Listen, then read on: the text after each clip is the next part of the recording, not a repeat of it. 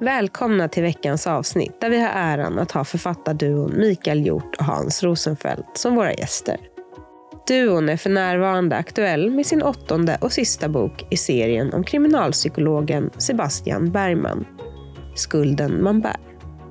Kända under namnet Hjort och Rosenfeldt har de tidigare sålt över 8 miljoner exemplar av sina böcker i 30 länder sedan seriens början 2010 med Det fördolda. Med imponerande bakgrund inom film och tv-produktion samt betydande prestationer som manusförfattare och regissörer ger författarna oss en fascinerande inblick i sitt skrivande och den kreativa processen. Hur skiljer de sig åt när de skriver en bok jämfört med ett filmmanus? Vidare delar de med sig av information om sin kommande thrillerserie.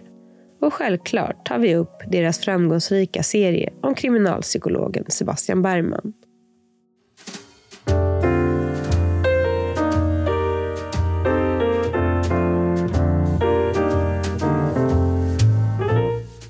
Varmt välkomna till eh, podcasten Jag vet vad du skrev. Och jag hälsar de välkomna som heter Hans Rosenfeldt och Mikael Hjort. Micke Hjort, heter du? Så säger man. Ja, Micke brukar vara vanligast. Eller hur? Ja.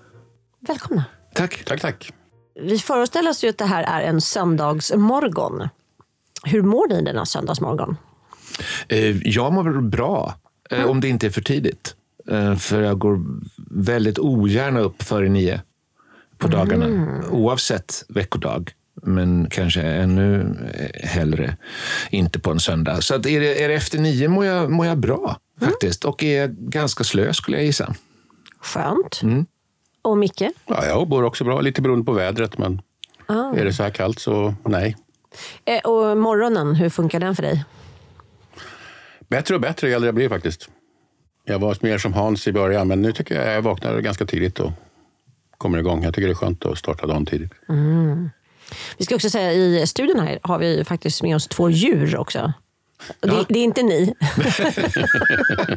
Tack, vad bra att du, vad du förtydligade det. Eh, Två djur i form av en labradoodle som heter Barbro, a.k.a. Lill-Babs. Ja. Och sen har vi min labrador som heter Stina. Båda svarta. Ja, det verkar trivas. Ja, det tycker jag. Ja, De är snälla. Ja, ja. Vi kan ju bara börja med det enkla. Hur kom skrivandet till er? Eh, så Vem, vem ska du? Ska jag? Ja, börjar du? Eh, Ja, men jag eh, har alltid... Jag skriver inte dagbok och sånt där, det var inte så. Men jag har ju alltid varit intresserad av att läsa och sedan blev det nog så under väldigt tidigt på i skolgången att jag märkte att det jag faktiskt kanske tyckte att jag var bäst på Eh, eller i alla fall tyckte var roligast, det var att skriva. Så då gick det ganska bra. Ni vet det man gjorde på den tiden för många, många, många år sedan. Uppsatser och, och sådana här centrala prov i svenska och sånt där. Och det gick bra. Så då tänkte jag att eh, det var ju roligt. Men sen var det inte det jag tänkte att jag skulle syssla med när jag var eh, yngre. Jag skulle ju eh, bli skådespelare, hade jag ju bestämt mig för. Men sen så blev jag ju inte det och då halkade jag in på manus framför allt. Och så började jag skriva på, det, på den vägen. Men jag tror att eh, det- var nog att det var det enda jag kände att jag faktiskt var rätt bra på när som ung. Så var det att skriva. Allt annat var jag, fick jag jobba för. Men du kan uttrycka dig. Ja, det, och har en väldigt eh, livlig fantasi. Framförallt. Så att fiktion eh, ligger mig väldigt varmt om hjärtat. Jag har inte svårt att komma på historier. Kan du inte bara snabbt, jag är ändå lite nyfiken på, jag vet ju lite om eh, din eh, skådespelarkarriär. Ja, det var väldigt gulligt. Det är jättesött när folk lägger karriär bakom. Ja. Vi har ju ändå varit ute och föreläst ihop en Ja. del och eh, känner varandra sedan många år. Men jag vet ju att det fanns ju en teater som du var på. Ja, Nationalteatern Ja. i Göteborg. Ja, det var ju då, eh, den hade ju splittrats. Rockgruppen Nationalteatern hade lämnat. Så det, nu var det bara teatern var det rockgruppen man kallar det? Eh, ja, proggruppen då? Nej, jag tror, de, vet vad, jag tror att de själva väldigt gärna kallar sig för rockgrupp faktiskt. tror också ja. så att, att, så jag, jag säger det. Ja. De hade ju delat på sig då. Så att vi, när jag kom ombord 1987 då var det ju en renodlad teatergrupp och nästan uteslutande barnteater. Och vilket år var det här då? Och 1987 började jag där. Januari 87 började jag i, på Nationalteatern i Göteborg. Och vad var din roll där då? Då spelade jag en pirat Eh, i, för vi satte upp Peter Pan, oerhört stor succé. Så då spelade jag pirat, eh, eh, Kapten Kroks närmaste man. Eh, i, vi gjorde 400 föreställningar någonting. Och sen blev jag kvar där och spelade olika, mest olika djur faktiskt i, i fem år. Tills jag slutade 92. Okej. Eh, Så det var mycket. Det var örnar och giraffer och dansande möss och räkor var jag. Räka, räkor? Jag var i räkbaletten. Vi spelade en föreställning som heter Musen och hans barn. Eh, om två uppdrags, upp, såna här, vad heter det, uppdragsbara möss som blev slängda och som liksom hade en roadmovie genom olika... eh, Räkor? Hur kom räkorna in? De hamnade i vattnet. De, hamnade, de blev nedkastade i vattnet en gång och då hamnade de i räkbaletten. Eh, det var jag och Lasse Brandeby eh, i, i såna här rosa, ja, men som sjöjungfrudräkter och som med såna här piprensare spön under magen. Så dansade vi så här. Fantastiskt. Ja, det var, Finns det video på det? det, vet du vad, jag är så glad att alla de åren var långt innan eh, mobiltelefonerna. Det, fi- jag, har inte sett ett enda klipp från en enda föreställning och ingen är gladare än jag faktiskt. Eh, Jag känner att om det är någonting jag önskar mig mer än, än någonting annat så är det att se se dig som en räka. Ja, det kommer aldrig att hända och det finns vad jag vet inte på film. Äh, helt underbart. Och så med Kurt Olsson också. Ja, han jobbade på Nationalteatern. Han blev Kurt Olsson precis där i den vevan. Eller han hade varit det på radio innan, men han blev rikskänd i och med tv eh, i den vevan. Rikskänd som räka.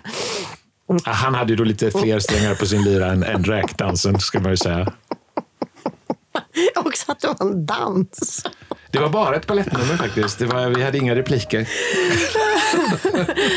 Ja. Eh, Micke? Ja, det är svårt att slå det där måste jag säga. Ja. Nej, men jag, jag, eh, jag, jag, jag har alltid gillat att skriva. Jag skrev ganska mycket som barn, men mitt problem i skolan var ju att man skulle alltid följa någon, eh, ett uppdrag. Man skulle skriva en uppsats om något. Så jag Givet fick ämne, alltid liksom. kritik att jag försökte skriva eh, fiktion. Så att, eh, men sen så hamnade jag i började älska film ganska tidigt och ville bli filmregissör. Så jag gjorde allt för det och eh, flyttade till USA, pluggade där på 80-talet. Och så hade jag gjort varenda grej som jag tyckte man skulle göra. Pluggat i USA, flyttat till LA, bla bla bla. Så jag sa, fan jag är fortfarande inte regissör. Jag måste hitta på en ny plan. Och då hade jag inte förstått att liksom, man tror ju att regi är att vara talangfull, men egentligen är det kontakter, pengar och talang sist. Och jag hade vare sig pengar eller kontakter. Men man kan skriva manus insåg jag. Så att jag började skriva manus som en galning. Och sen så var jag ganska bra på det visade det sig. Så då började jag, samtidigt med Hans faktiskt, 92 också började jag skriva manus. Just På SVT Drama. Sen, ja, det började. Alltså, Alltså, jag, skrev jag skrev manus sen. Så, sen 92 har jag ju i princip bara skrivit manus som jobb. Jag har gjort lite radio och sånt där, men manusskrivandet har ju varit mitt arbete sen 92, eh, då jag började på Rederiet. Och, eh, nej, och sen då, böcker har vi ju inte, började vi inte med förrän 2009 började vi skriva, 2010 kom den Ja. ut. Ja. Så det var ju ganska det var ju många år då från vi, början också. det var ganska många år då vi inte var bokförfattare. Kan man Just ju det. säga. Ja. Hur skiljer sig manusförfattandet till med bokförfattandet skulle ni säga? ofantligt många fler ord. Det är ju helt vansinnigt många fler ord. Alltså ett manus är ju bara en skiss på, och det är framförallt dialog. Någon kommer in i rummet, replik, replik, replik, replik, replik, replik, replik. Någon går ur rummet. Det är ett- en scen. I en bok är det där en sida, sju sidor. Allt ska beskrivas. Ja, vi, alltså man får ju hjälp med manus. Det, finns ju en, en, det finns ju skådespelare, och det finns ju scenografi, och det finns kostym, och det finns fotografer, och det finns ljussättning. Och det finns liksom, allting det där som man måste beskriva i en bok är, är ju någon annan som gör åt en i ett manus. Så det är ju otroligt mycket ja, enklare ska man inte säga. eh, Nej, är. för det har ju en annan det har en- utmaning. Ja, det har en annan utmaning, men, men det är ju, det är ju ja, men rent krasst, det är ju som Micke säger, betydligt färre ord i ett manus än vad det är i en bok. Det tar ju, lätt, det tar ju inte så lång tid att skriva en sida, om man säger så. Nej. Och eh, hur skriver ni? Alltså vilken tid på dagen? Jag vet ju, jag vet ju lite om era processer, men eh, om vi tar era enskilda processer till att börja med. Ehm, jag försöker Alltså, vet du vad? Det är ganska olika. Det beror också på om var man är i fasen. Ibland är man ju lite lat och tycker att man har jättemycket tid och då tar man helst en promenad och sen funderar man och så gör man det efter lunch. Eller så är man i liksom nödläge och vi måste leverera och då brukar jag försöka köra i alla fall två pass. Ett på förmiddagen man börjar ganska tidigt en kaffe och sen så brukar man ta en promenad. Och sen så kvällen. Och där, förut så körde jag mycket mera eh, sent. Men jag, jag, ju äldre jag blir desto mer tycker jag faktiskt att morgonen är en bra tid för mig att skriva. Så försöker ta två eller tre sessions per dag när det är som mest intensivt. Okej, okay, två till tre. Och hur långa är de sessionerna då? då? Fyra timmar ungefär var. Oj, ja. Intens. Ja, jag eh, gör ju då ingenting på morgnarna. Eh, och oftast har jag ambitionen att göra någonting innan lunch. Det är väldigt, väldigt sällan det händer. Och då är det dags att gå ut med hunden. Så oftast brukar jag alltså jobba vid två, tre, börja vid två, tre och så jobbar jag kanske då ja, men någonstans åtta, tio timmar i ett svep där istället.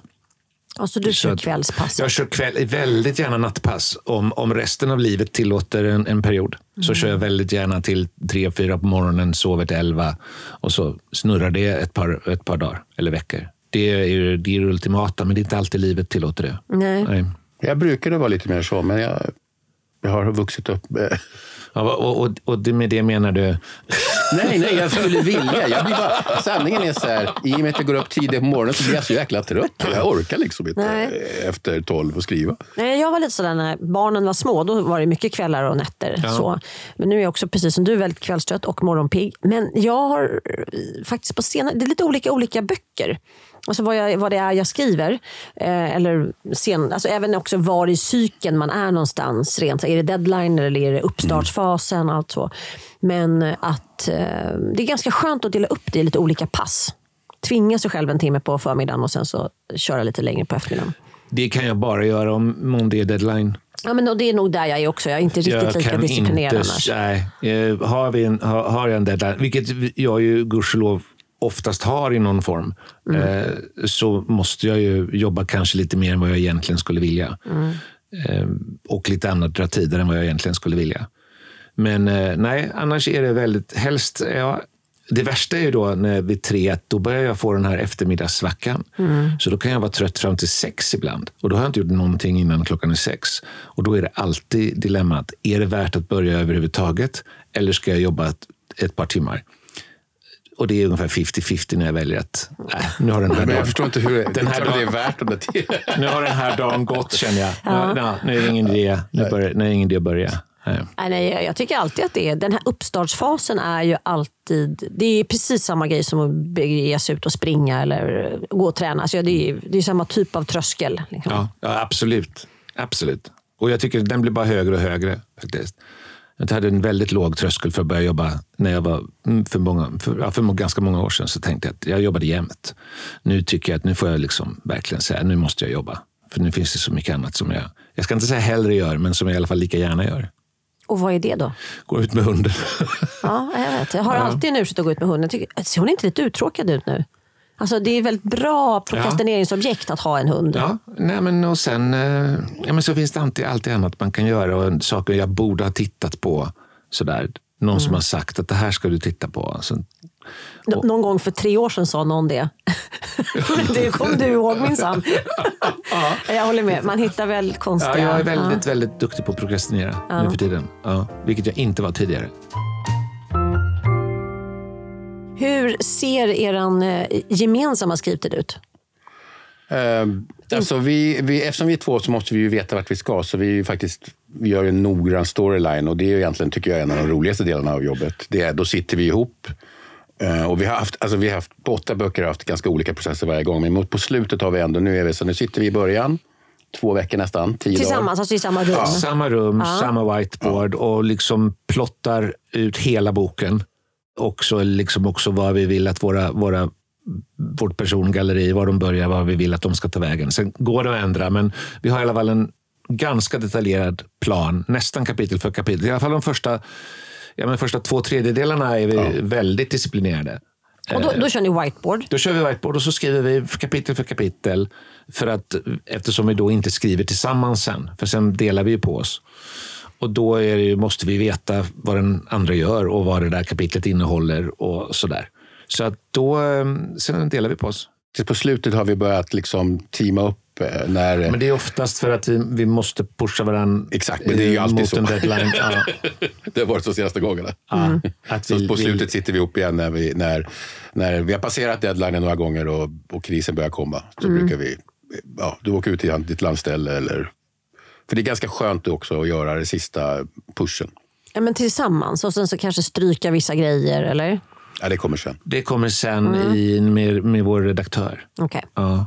Och då är det ju, om det är också skrivprocessen, men då, har ju, då lämnar ju Micke oftast. Eh, jag tar ju det med, med förläggare och redaktör sen. Eh, för att Micke tycker det är så tråkigt. Vi, det, jag tror det är en av anledningarna att vi funkar. Det kanske kommer en fråga på det. Men det är ju att vi skriver så väldigt, väldigt olika. Micke vill ju bara framåt. Han bara plöjer framåt. Eh, och jag börjar ju alltid dagen med att titta vad jag gjorde igår och ägna halva dagen åt att ändra lite. Sådär. Och jag gillar ju det där pillandet. Jag gillar ju att flytta komman. Om någon säger vad de ska vara. Så att, eh, och Micke tycker det är Jag skittråkigt. använder inte ens komma. Så, jag att, så, att, och då, så då blir det att de, du var ju med på första mötet på första boken. Ja. Och då, eh, till, till lunch hade vi kommit 12 sidor, började klockan nio.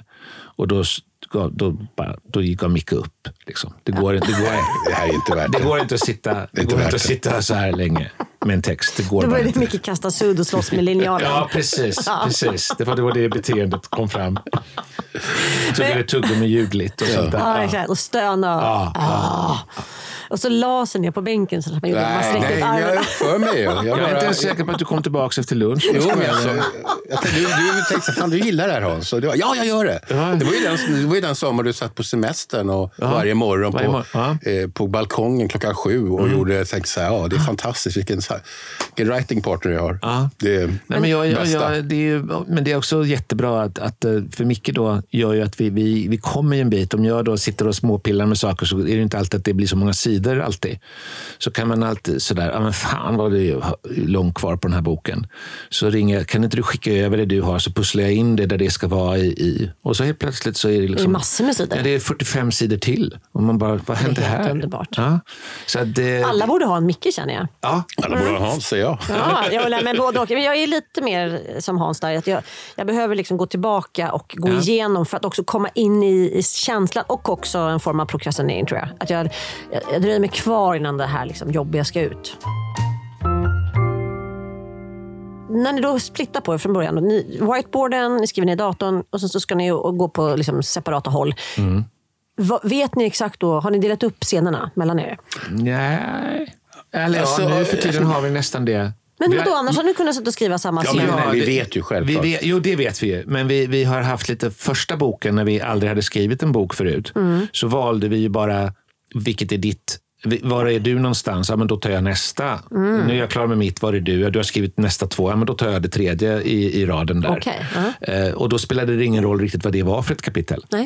Eh, och sen har vi utarbetat det där. Alltså, sen märkte vi att vissa karaktärer, vissa personer hade mycket lättare för än jag. Han hade en tanke med dem som, liksom, ja, men, som hade väckts när han började skriva. Så då gjorde vi så att vi var, de, var det liksom olika ganska karaktärstunga kapitel så visste vi ganska omgående ah, men vet du, det där är ett Micke-kapitel. Även om det är det nästa som ska skrivas så får han skriva det också. Så går jag. Och Sen har vi delat upp det lite med att jag har lite större ansvar nu för tiden. För liksom den reda plotten så att den hänger ihop. Alltså, ehm, Är du mer plott, plottdriven och du är mer karaktärsdriven, Micke? Ja, men det ska jag säga. Det kanske vi är, men vi är båda plott och karaktärsdrivna. Men vi, jag tror Hans är mycket bättre på logikpusslet. Han älskar ju... alltså, Ja, det mycket. Micke är ju, kan ju ibland eh, bli väldigt förtjust i inre röst. Ja, ja, ibland det. så måste jag ändå säga sådär, du vet, det går fortare om vi skriver lite dialog också. Det var en dialog. Det är ju det här är ju. ja, så att, eh, så att Micke är Micke, jag är ju mer plott-dialog, skulle jag säga. Och du är lite mer inre känsloliv och, och liksom den, den inre rösten. Jag, ja, just för när det gäller in i rösten är ju, jag har jättesvårt att hålla mig kvar i det. Eh, jag blir liksom frustrerad. Jag vill bara in i dialog, för då händer det grejer. Ja. Då, Ja, då, jag är precis likadan. Och så, så fylls ju sidorna också. Det är också en härlig känsla. Det är därför jag säger det till Ja. Micke. Dialog, dialog, Ja. dialog. Ja. Mm. Jag ska lära mig det. Jag tycker bara att det är så Det, cheating. det är ju inte, jag vet. Jag Du, du tycker att det är lite fusk? Ja, jag tycker det är lite fusk. Det, det, är ju, det är ju det jag gillar med bok. Alltså, i, I manus är det ju bara dialog. Mm. Här har man ju en, en, en möjlighet att få in smaker. Alltså, tang, I love that shit. Ja, men jag håller med. Jag, håller med. jag, tycker det händer, jag tycker det där händer i dialog också. Så att, eh, Det är Det någon gör som det, säger absolut. vad osten smakar gott. Absolut. Men, men, men, det, det behöver man inte ägna en halv sida åt Nej. att förklara. nej, nej, nej. Det är Den bara, jävla osten. ett, varje medium har sin charm och jag tycker den inre rösten är egentligen bokens charm. Ja, det är, ju- den är unik i alla fall. Så länge du inte har Om det, en annars blir det ju så voice-over. Jag tänkte, alltså, hur långt, hur länge funkar det i en film? Okej, ganska länge ibland, men det blir också lite platt. Alltså, du, nu för tiden har ju varenda film Ja. Så- alltid med en voiceover. Ja. Som, som ska på något vis... Jublar Men det är det, också. tror jag du säger, övertydligheten. Ja, det är- räcker inte med att öppna in en bild och säga man måste säga om det. kriget hade varit i 14 år. Det är så, jag skiter väl i hur länge det hållit på. Jag ser ju att folk krigar. Liksom. Men det, Nej, jag, det där, är- vi, jag skrev ju ett ljuddrama för Sveriges Radio som heter Sviten tillsammans med Mikaela Bley. Eh, och vår hela, liksom, vårt krig under hela processen med beställaren för Sveriges Radio det var att låt lyssnaren lyssna själva. Alltså, de kan inte, vi behöver inte ha, jo men ni måste ha någon som man håller i handen. Nej, de klarar sig ändå. Eh, och vi fick faktiskt igenom det till slut. Och då vart det ju, men då, det kräver ju, då kräver det ganska mycket av dialogen å andra sidan. ja, det gör det.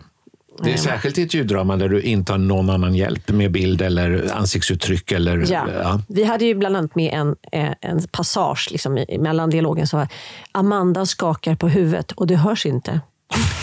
det är jävligt bra i ljuden då. Ja. ja, det är ljuddrama at its finest faktiskt. Eh, ja, nej, så att, eh, man kan ju ändå skaka så att det prasslar. Liksom, men det var inget Ja, sånt. men den tror jag också, den, där tror jag kanske att du överskattar lyssnarna lite. Jag tror det lite det där också, ja. prasslet kunde lika gärna hörde du väl och skakade Ja, det var, kan vara lika gärna att någon tog av sitt skoskydd. Eh, det, oklart vad det prasslet var tror jag. Nej, det är sant. Okej, men då har du, så du har liksom kontakten med, eh, med förlaget, eh, sista Ja. fasen. Och, eh, och när, när känner ni att ni är klara? Liksom? När är ni klara tillsammans? Alltså, vi brukar ju inte gå tillbaka så mycket och titta igenom det när vi har hela boken. Nej, för det, jag Utan jag tänker har redigeringen, är Nej, ni liksom jag har ju, dels har jag den? Mm. redigerat lite under tid. Så när jag får mycket så brukar jag ägna lite åt att försöka, alltså mest bara för att få det till samma språk. Eh, För vi skriver ganska olika. Men eftersom jag vet att jag ändå i slutändan kommer att hamna på re- redaktionsbiten så är det lika bra att jag redan från början när de läser det får ungefär samma språk. Mm. Så att då har jag ju redan redigerat lite av dina texter. Eh, så att eh, nej, men när vi är klara, jag skulle säga när vi har skrivit slut så då är vi klara. Ja. Alltså ni sitter inte och redigerar tillsammans? Liksom. Nej. Sitter, nej, inte alls. Det gör vi inte. Men- det är också för att jag tror, att- eller tror, Hur skulle det gå? Det är för att mitt kontrollbehov är så oändligt Alltså, det skulle ju aldrig fungera. Det är, Hans har ju riktigt kontrollbehov. Jag har inget, eller jag har, Nej. men jag har så kapitulerat. Så det, ja, jag vet. Och det, jag är så evigt tacksam för det. För att det, vid början så var det lite så att vi petade i varandra. Så jag, och Micke bara, ja men det där blev ju jättebra. Och jag alltid, mm, men, ja, men ska det vara det där, tycker du? Alltså, Ja. ja, Så att ja, vi har väldigt olika nivåer av kontrollbehov. Och, och Micke låter mig hållas. Eh. Med mitt. Med Ja, mitt. men grejen är så här. Dels är Hans extremt begåvad, så det är fantastiskt att ha liksom världens bästa som tittar på ens text. Och det andra är, målet är ju att bli färdig med boken. Inte diskutera om det är och eller att eller ho. Alltså det är bara små detaljer. Big picture, big picture, framåt, framåt. Det är Men det är inte grej. som ni tänker att men den här karaktären gick ändå åt fel håll där. Alltså rent liksom, Det utvecklingsmässigt. gör, alltså, men det måste jag ändå säga. Så här, jag tycker vi, det som är styrkan med våra författarskap, det är inte att vi skriver lika. Det är att vi tycker ändå i botten ungefär lika om våra karaktärer, om färgerna. Vi vet, vi har aldrig, vi är aldrig så här, wow, vad händer här? Nej, jag tror det är också vi har samma referenser. Vi vet, vi vet när vi pratar referenser vad det är vi vill ha ut och vad vi menar. Vi, vi är liksom aldrig, Micke brukar säga att vi ser världen i samma Rött för mig är rött för honom också. Det är inte Ja, så rött för mig är gult för honom. Nej. Så att vi måste liksom först enas om vad är det här?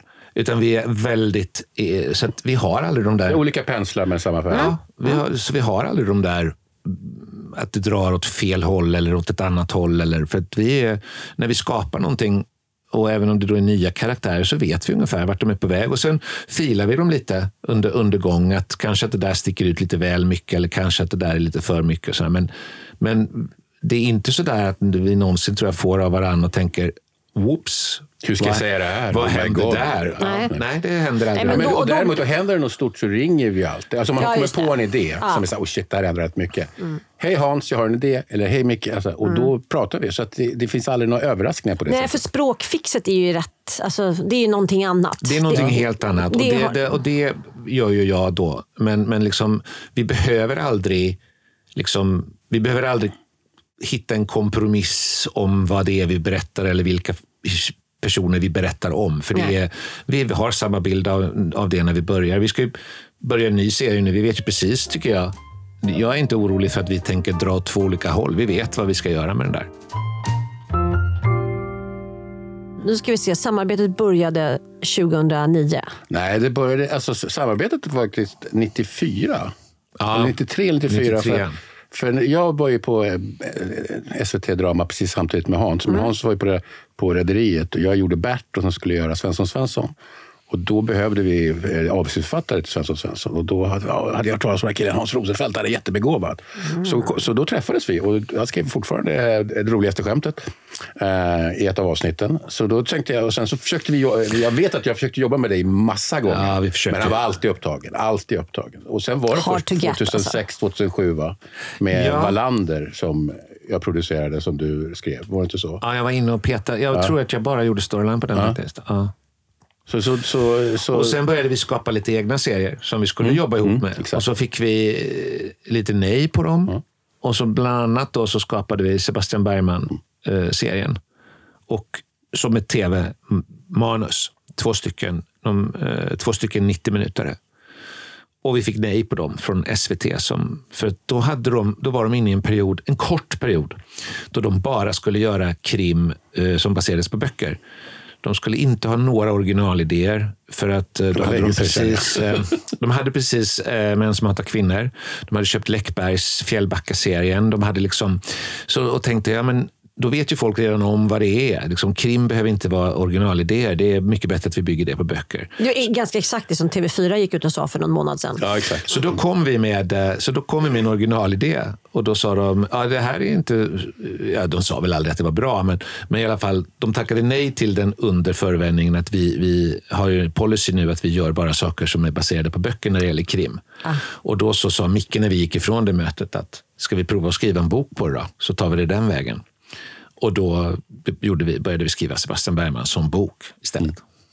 Okej. Det var helt enkelt för att vi refuserades av SVT som manus. Så det här var art by, art by accident. Ja, det var det verkligen. Och sen, ja, men vi ville ju också, vi, vi sökte, vi letade ju projekt väldigt eh, idogt där vi skulle samarbeta, för vi ville jobba ihop. Vi hade jobbat, eh, vi hade jobbat med Mickes eh, produktionsbolag ett par gånger och vi trivdes väldigt, väldigt bra tillsammans. Så vi ville verkligen göra saker tillsammans och då sa vi, ja men då gör vi väl en bok tillsammans då. Ja, ingen- det blir ju något absurt när liksom Sveriges största beställare plötsligt säger vi ska inte ha några originalidéer, vi ska Nej. bara göra böcker. Då måste man ju faktiskt säga, ja men okej. Då vi vill måste, man ju bråka lite. Då vill man faktiskt. ändå visa att det går. Ja.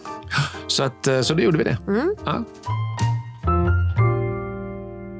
Kan ni berätta lite om eh, Sebastian Bergman? Då? Hur kom han fram? Ja, men den, han kom ju fram genom tv-serien faktiskt. Det var, ju, det var ju faktiskt Rolf Lassgård från början som kom med i projektet. Så att, så att, eh, Ja, men hur då? ja, men alltså, grejen är så vi hade gjort Wallander.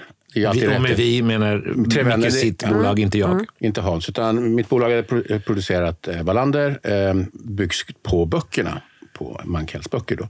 Och så var de rättigheterna på väg ut. Vi gjorde ju till och med de korta historierna, pyramiden och allting.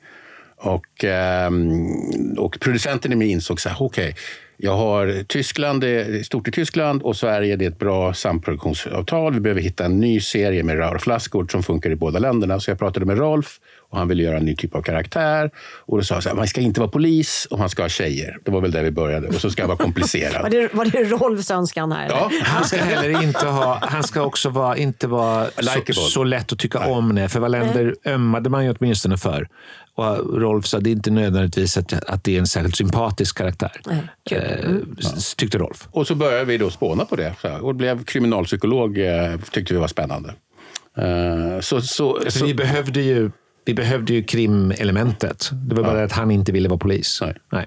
Så vi ville ha någon som inte... Det var också lite bra att vi hade en polisenhet och så hittade vi på riksmord. Och så så det, vi byggde det egentligen som en tv-serie. Ett riksmord, en besvärlig kriminalpsykolog och sen ja, första fallet. För det är då var- svårt att komma ur polisväsendet utan att det blir för konstruerat. Eller? Ja, men det är det. Men vi tyckte Sebastian funkade bra. Och sen som sagt var så, så kastade vi ju väldigt mycket liksom, dåliga egenskaper på honom och tänkte att vi kanske måste plocka bort något så småningom. Men sen blev i princip det mesta kvar. Ja, för att vi hittade dottern. Den, Ja, och sen hittade vi... Ja, sen, han har ju, han, det är ju ett självskadebeteende som han ägnar sig åt, uh, vår kära kriminalpsykolog. Vi, så att han njuter ju inte av att vara ett svin, för då tror jag att det kanske hade varit jobbigt att hänga med honom i, i åtta böcker. Men, utan han gör, ju, han gör ju medvetet fel val för att skada sig själv, för han tycker inte att han förtjänar att vara lycklig. Eh, Och då får man, ömmar man ändå lite för honom, även om alla andra i hans omgivning tycker fruktansvärt illa om honom. För han är ju en, en osympatisk karaktär, men, men det finns någonting förlåtande i att han, inte, att han inte gör det för att må bra av att vara elak. Han gör det för att inte vara lycklig. Och varför gör han det då?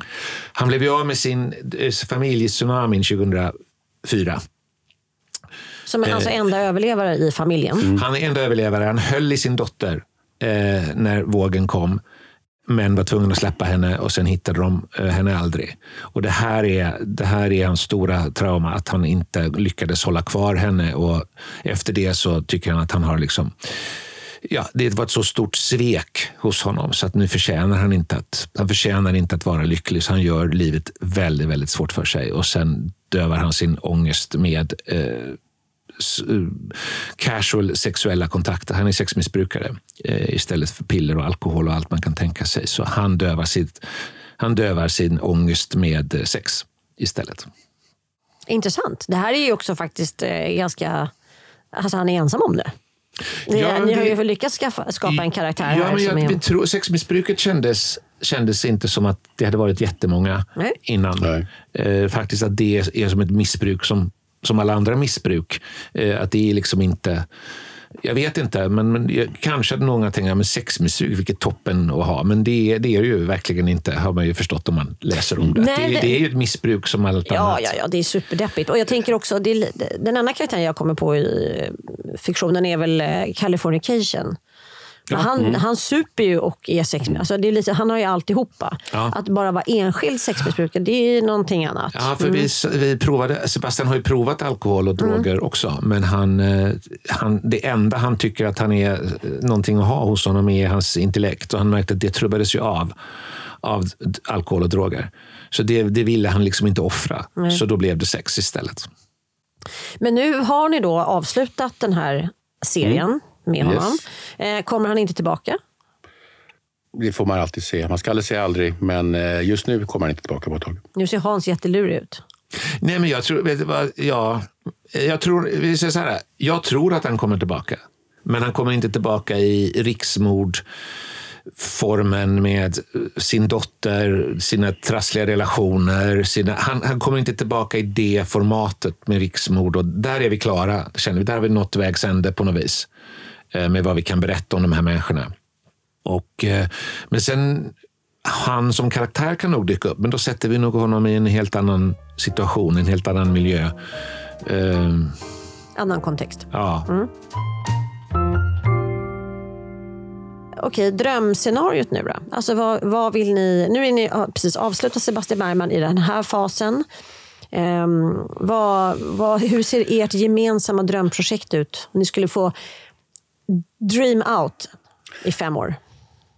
Ja, vi, jag tror att vi, vi gör väl det. Ja, Eh, vi, vi har, vi har precis börjat ett och- nytt projekt. En trilogi Som också bygger på ett regisserat tv-manus faktiskt. Mm. Men det är också bok. ju. Det här ska bli bok, det ska bli en trilogi. Eh, så att, eh, och vi har precis börjat. Jag, jag var nere hos Micke och jobbade i sista tio I, dagar. i- för mycket du är i Portugal. Mm. Micke sitter i Portugal. Eh, tio dagar i november nu så vi plottar ut första boken av de tre. Så att eh, jag tror att det är, det är väl det. Vi gör ju lite olika saker. Förutom när vi skriver böcker tillsammans så gör vi ju... Micke gör ju, sysslar ju med andra saker och jag skriver manus vid sidan om. Så att eh, jag tror det blir det där bokprojektet som blir vårt de närmaste åren. Ja, Nej, men det känns kul. Och vi, alltså, det skulle vara roligt att skriva någonting som ändå är lite längre än en bok, men avslutat. Eh, Mm. Därför tänkte vi en trilogi så man kan Trilogin är en perfekt... liksom, eh, beta- det- berätta en större typ av historia, men inte behöva fortsätta i evighet. Och det är inte poliser den här gången. Det här är en thriller eh, som inte har några polisinslag utan lite mer sådär. Lite mer high concept får man väl säga att den är. Mycket mer high concept Ja. skulle jag vilja säga. Den är- men nu den pratar är- vi, får vi inte prata mer om det. Nej, men den är inte så, så jordad om vi säger så. Nej, jag fattar. Nej, härligt. Hur kommer resten av er härliga söndag se ut? Vad ska du göra, Micke? Jag tar en promenad tror jag. Jag har inte tänkt så mycket faktiskt. Nej. Jag har bara laddat för det här så mycket så jag har liksom inte sagt så här, det är bara okej, sen är det någonting efter. Då får jag hitta på något. Så att, eh, det blir lugnt. Jag vill så- se Godzilla plus one vill jag gå och se. Går den ens? Ja, det är på japanska. Det verkar helt fantastisk. Wow. Va, när går, var går Den har den? börjat. Den kom i december. Gick med Tips. Ja, absolut. Ja. Vi kanske ska gå och se den tillsammans. Ja, kanske det. Ja. Alltså det, är det original, det är så här, Japan, Japan 1946. Det är på Japan. Alltså, Ja, men jag, jag har sett trailern. Godzilla i Japan. Ja. Ja. Det är de gamla filmerna. Vi är ju supernördig, men eh, det, ja, det ska jag försöka Är det sant? Är du? Vem kunde ana? Jag ska gå ut med hunden. Ja. Eh, vi går väl till Gärdet antar jag. Vi brukar hänga där ett par timmar om dagen. Uh, och Djurgården någonstans. Eh, och sen får jag besöket av eh, min författarkollega och vän Camilla Ahlgren. Kommer upp ikväll. Vi ska jobba hela, eller hela nästa vecka ska vi inte jobba, men vi ska jobba måndag till onsdag på ett nytt projekt tillsammans. Och ni skrev tillsammans? Bron. Ja. Och sen, vi träffades på Rederiet redan, så vi har, vi har känt varandra sedan 92. Men eh, det, det, vi, jobbade, vi har jobbat tillsammans med, hon var också, eh, jag har gjort en engelsk serie som heter The Burning Girls som hon skrev eh, tillsammans med mig. Så att vi jobbar ihop när vi kan. Och nu har vi fått tillfälle att jobba ihop igen. Så att eh, vi ska sätta oss, hon kommer ikväll och så ska vi sätta oss eh, tre dagar nästa vecka och plotta ut det där. Vad är er favoritsöndagsmiddag? Eh, Alltså jag är ju svår på pasta. Jag tycker det är svårslaget. Jag kom på en annan grej. Vi har gjort en, ett väldigt roligt reportage ihop. Om pasta? Eller nej? Nu Nej, jag ja. inte med. Vad var det här för någon? Ja, Hemmets, var var det? Hemmets Journal? Eller Annas veckotidning? Det var hemma hos mig. Ja. På den tiden jag bodde i Täby. ja. Den enda gången jag släppte in eh, någon form av journalist i mitt hem. Alltså det var så absurd. Eh, vad var det vi skulle göra? Var det plock och mingel eller något sånt där? Lite små räk? Jag vet inte. Du hade gjort Var räk. räkor igen? Ja. The story of my life. Jag tror du hade gjort någon slags räkcocktail. Kan det stämma? Nej, men det låter oerhört... O, o, o, nej, det kan inte. Men jag, var, det inte, var, det inte fokus på, på, var det inte fokus på dukning och små de, de, detaljer? Alltså, så, ge mig lite Det, det, detaljer här, det här var något, vi skulle, vi, du skulle bjuda mig, det var något reportage där vi skulle prata om författandet och, och, och så, så skulle vi äta, du skulle bjuda in på någon slags supé. Ja, och så jag kom en räkcocktail. Jag tror faktiskt det. Nej, fy fan. Ja, det var väldigt, väldigt eh, krystat. Men eh, nej, vet du vad? Pasta och rödvin. Mycket trevligt. Och Micke? Egentligen så är det väl eh, inte maten utan sammanhanget med lite vänner eller familj som är viktiga på söndag. Lagar ni mat? Jag vet att Hans kör ju det väldigt gärna. ja. jag, jag gör en min räkcocktail. Mm. Nej, jag, vet du vad? Jag är, lagar gärna mat, men jag, jag skulle ändå vilja hävda att jag inte får. Mm. Eh, min fru tycker väldigt mycket om att laga mat. Och eh, tycker också att eh, det jag gör inte är riktigt bra. Kanske beroende på att jag aldrig får öva. Men, eh, så jag måste nog säga nej, jag lagar inte mat. Vi har uppdelningen, hon lagar mat, vi äter, jag gör i ordning i köket efteråt. Mm, om då är det ungefär samma uppdelning. Så Jag kan- jag, jag lagar alldeles, jag lagar alldeles för lite mat faktiskt. Det är en övningsgrej det där. Ja, det är det. Ja. Och jag har inte riktigt kommit till spisen. Nej. Jag lagar mat, men inte... Jag, jag, mina barn lagar bättre mat, så de brukar få laga nu för tiden. Det är fantastiskt faktiskt att förstå. Det är ju Se, härligt. Ja. Er bästa klassiker? Stephen Kings Carrie. Aha. Eh, Philip Marlowes The Long Goodbye. Bra. Snyggt. Skrivföda? Eller Raymond Chandler menar jag. Philip Marlowe är karaktären, så jag är så inne i det. Aha, ja. Sorry. Vad sa du? Skrivföda? Ja. Kaffe? Ja, jag är svår på snacks. Tyvärr. Så nöt, chili, ranchnötter.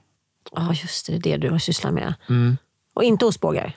Jo då, det går också. Alla former av chips, pretzels, allt som är snacksigt går. Jag är inte så stor på godis och bakverk. Så att eh, det blir eh, ja, men kaffe och jordnötter. Då. Du är en salt kille. Jag är bara en att, krasig kille, tror jag. Ja. Musik eller inte? För det här är ju en väldigt intressant fråga. Det är ju en... Alltid musik. Alltid musik. Nej, jag är likadan. Jag är... Vad lyssnar du på? Ja, vad, ja, pop. Mycket pop. Mycket eh, pop, house och en del hiphop. Kan ni lyssna på svensk musik? Alltså svensk text? Ja, det kan jag. För den kan jag koppla bort lite. faktiskt. Ja. Det, Men jag det- lyssnar mycket med soundtrack. Hans Zimmer. Alltså jag lyssnar mycket när jag ska skriva. Alltså jag gillar att ha lite ja, soundtrack helt enkelt. Hans Zimmer, dramatiska grejer. Som, Mm, ja. mm. Jag sätter på opera ibland faktiskt. Ja, det funkar bra. Men ja, ibland kan man köra något så du vet, alltså, klassisk 70-80-tals, bara låta det ligga i bakgrunden. Men eh, jag gillar det ibland när man är ja, intensivt att köra liksom, dramatisk soundtrack. Skrivbord eller soffa? Skrivbord. Eh, jag ska skriva... Det beror lite på vad jag skriver. Eh, s- skrivbord om det ska skrivas manus och bok. Ska det skrivas sådär saker till på minuten eller sådär, då är det soffa. Så att det ska det skrivas lite längre saker, då blir det soff, eh, skrivbord. Annars blir det soffa. Jag kan både och. Dator eller penna? Eh, penna först, dator sen. Dator, dator, dator. Frukostläsning. Vad läser ni till frukost? Eh, DN, The Guardian och eh, vad som har kommit ut i Marvel-väg. Dagens Industri, Financial Times. Gud vad gestaltande det här blev.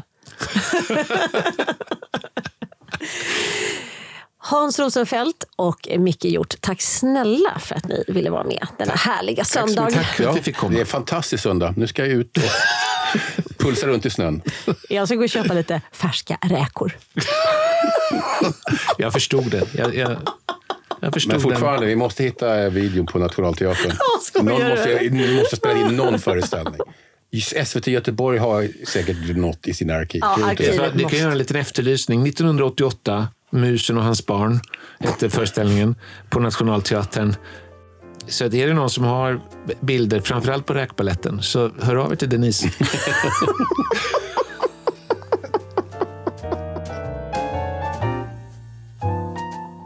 Stort tack till söndagens gäster, författarduon Mikael Hjort och Hans Rosenfeldt.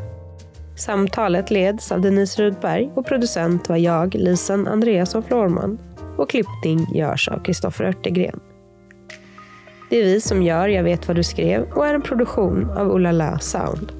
För att följa oss, så glöm inte att prenumerera på podden i appen.